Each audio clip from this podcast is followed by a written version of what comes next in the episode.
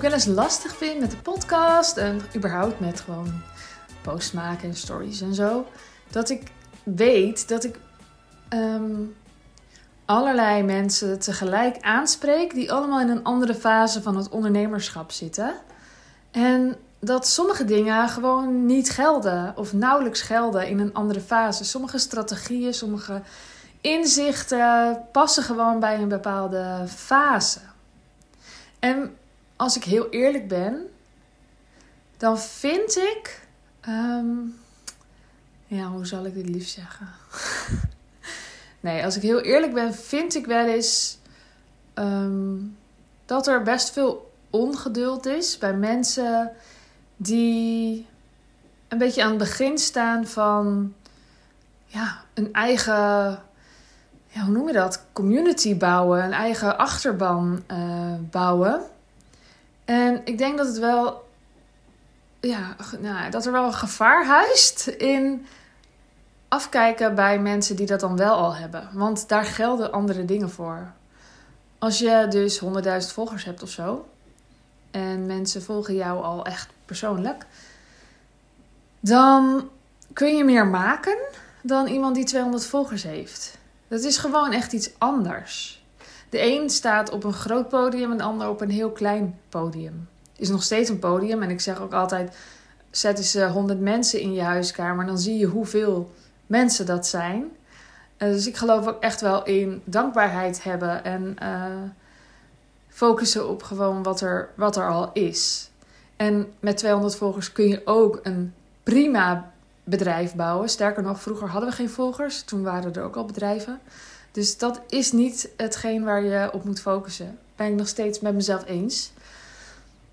Maar het is wel lastig als je gaat afkijken bij de, de, ja, de grote ondernemers der aarde en het op die manier wil gaan doen. Want voor jou, als jij dus weinig volgers hebt, geldt, geldt het gewoon, gelden andere dingen.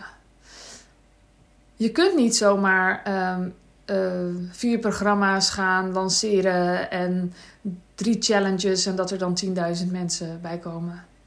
Het, het, nou ja, tenminste, het zou misschien kunnen. Even uitzonderingen daar gelaten. Je kunt natuurlijk heel goed zijn in Facebook-advertenties en e-mailfunnels met je 200 volgers. Dat kan. Maar ik heb het eigenlijk niet eens over die volgers, maar over het punt in ondernemerschap. Dus als je begint um, en je hebt eigenlijk helemaal geen kaas gegeten van Facebook-advertenties en e-mailfunnels, zou ik er gewoon niet aan beginnen. Ik geloof echt dat het dan veel interessanter is om te kijken naar hoe kan ik, nou wat ik in mijn vorige podcast zei, hoe kan ik mijn doelen bereiken met veel minder klanten. En dat vergt gewoon een andere strategie dan als je heel veel volgers hebt. Tegelijkertijd, um, ja, wat wil ik eigenlijk zeggen? Tegelijkertijd weet ik ook dat er mensen luisteren naar deze podcast en mijn content lezen, die wel een, ja, een achterban hebben verzameld.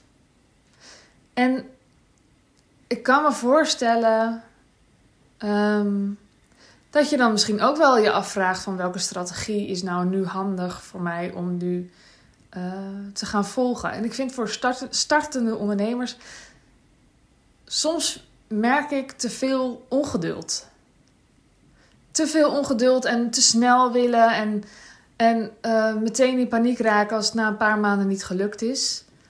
Maar ja, ik heb zelf gewoon vijf jaar het als hobby gedaan. Ik heb zoveel geleerd. En ik had nog steeds geen verdienmodel, geen echte. Ik heb er gewoon vijf jaar naast gewerkt. Ik heb vijf jaar gewoon een baan ernaast gehad. En een beetje geprobeerd en ontdekt. En nou was het ook nog eens zo dat heel veel dingen super nieuw waren. Um, dus ik had en zelf eigenlijk niet um, geen drive op geld. Dat was allemaal maar vies. Dus dat werkte niet in mijn voordeel. Ik wilde gewoon heel veel leren. Dus ik ging gewoon allemaal dingen doen waar ik leuk, wat ik leuk vond en waar ik me in wilde ontwikkelen. Dat werkte deels in mijn voordeel. Uh, financieel misschien niet, misschien wel. Kan je, kan je discussie over voeren. Ik denk niet dat ik vijf jaar een baan had hoeven hebben als, als deze twee dingen anders waren geweest. En er was ook nog echt een veranderende markt. Dus we kwamen net uit zo'n tijdschriftenlandschap, om het maar zo te noemen. Ze zeggen wel eens: Nederland is een tijdschriftenland. Er zijn heel veel bladen als je kijkt naar hoeveel mensen er zijn. Maar wij gingen een online magazine maken in een tijd dat het, dat het tijdschriften idee al minder werd. Dus we konden niet per se. Nou, het ging niet zomaar zo makkelijk van, oh, we gaan gewoon een tijdschrift beginnen. Want ja, het was eigenlijk die tijd niet meer. Maar een online magazine was eigenlijk ook nog niet iets waar ik bij ook kon afkijken. Want al die andere bladen in 2009 waren of nauwelijks op internet. Echt serieus. Gewoon een website met alleen maar meld je aan.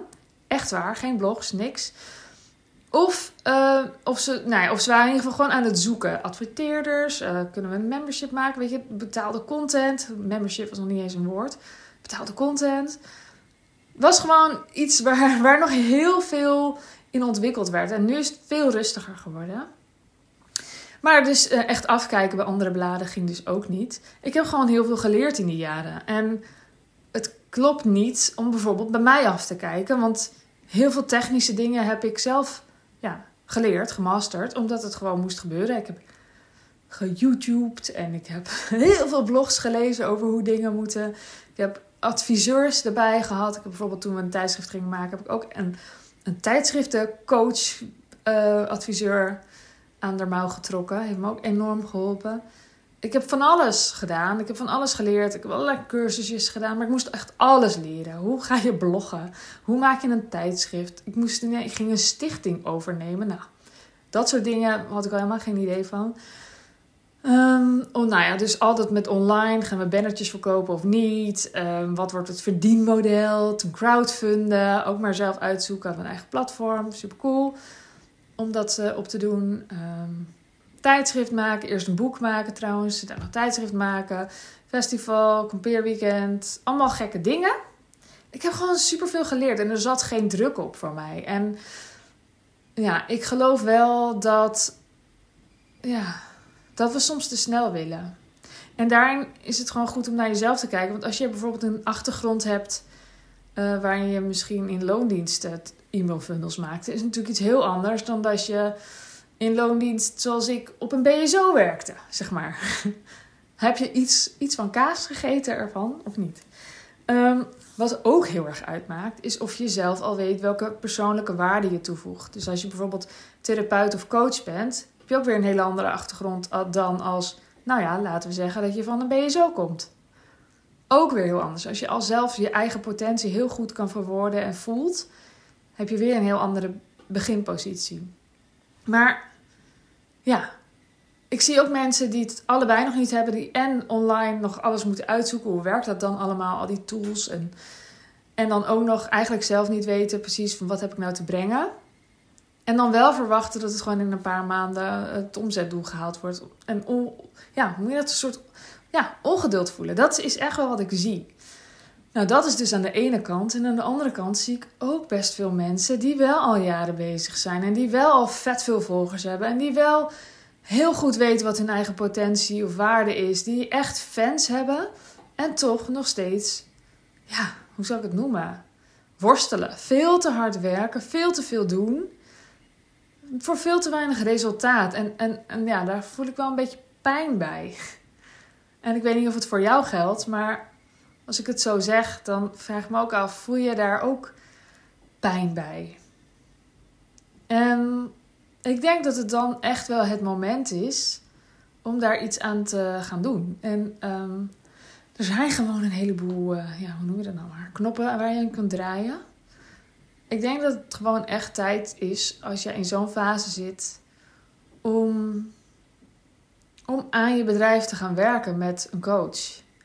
En Um, ik ben heel graag die coach, maar uh, als, als dat helemaal niet uh, resoneert, zou ik überhaupt zeggen: stap wel naar een coach. Ga wel daar iets aan doen. Ga wel zorgen dat je een, ja, en een gezonder verdienmodel hebt. En beter kijkt naar wat is nou echt je persoonlijke toegevoegde waarde. Welke taken wil je nog doen? Nou ja, nu noem ik allemaal dingen waar ik zelf goed in ben. Maar er zijn vast ook dingen waar ik niet goed in ben, die je ergens anders kunt halen.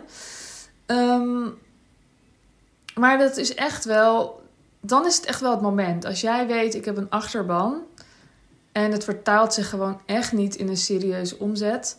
Eigenlijk, ofwel, ik werk er nog steeds naast. Ofwel, um, ik heb een partner die eigenlijk het financiële stuk regelt en wat ik doe is maar voor de extra. Dat is echt niet nodig. Dat is echt niet nodig. En kijk, volgers en likes, het zegt niet zoveel. En aan de andere kant, het helpt wel enorm. Het helpt echt wel enorm als jij een mailinglijst hebt. Al is die niet lang, maar als die mensen echt betrokken zijn bij jou. Ja. En volgers, allemaal. Het, het, het, tuurlijk werkt het in je voordeel. Enorm. En ehm, ik kan daar echt heel goed bij helpen. Dus als jij wil dat je veel meer rust hebt, veel ontspanner kunt ondernemen, stuur me een beetje.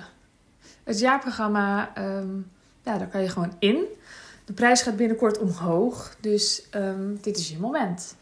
En als je nu instapt, dan zorg ik ook voor, samen met jou, dat je deze zomer veel ontspannender op vakantie gaat. Nou, dat wil ik een beetje zeggen. Ik ben benieuwd welke van de soorten ondernemers jij zelf bent. En uh, laat me dat vooral even weten in een uh, pb'tje op Instagram. En dan wens ik je nu een hele fijne ochtend, middag, avond, nacht. En tot de volgende keer. Doei doei!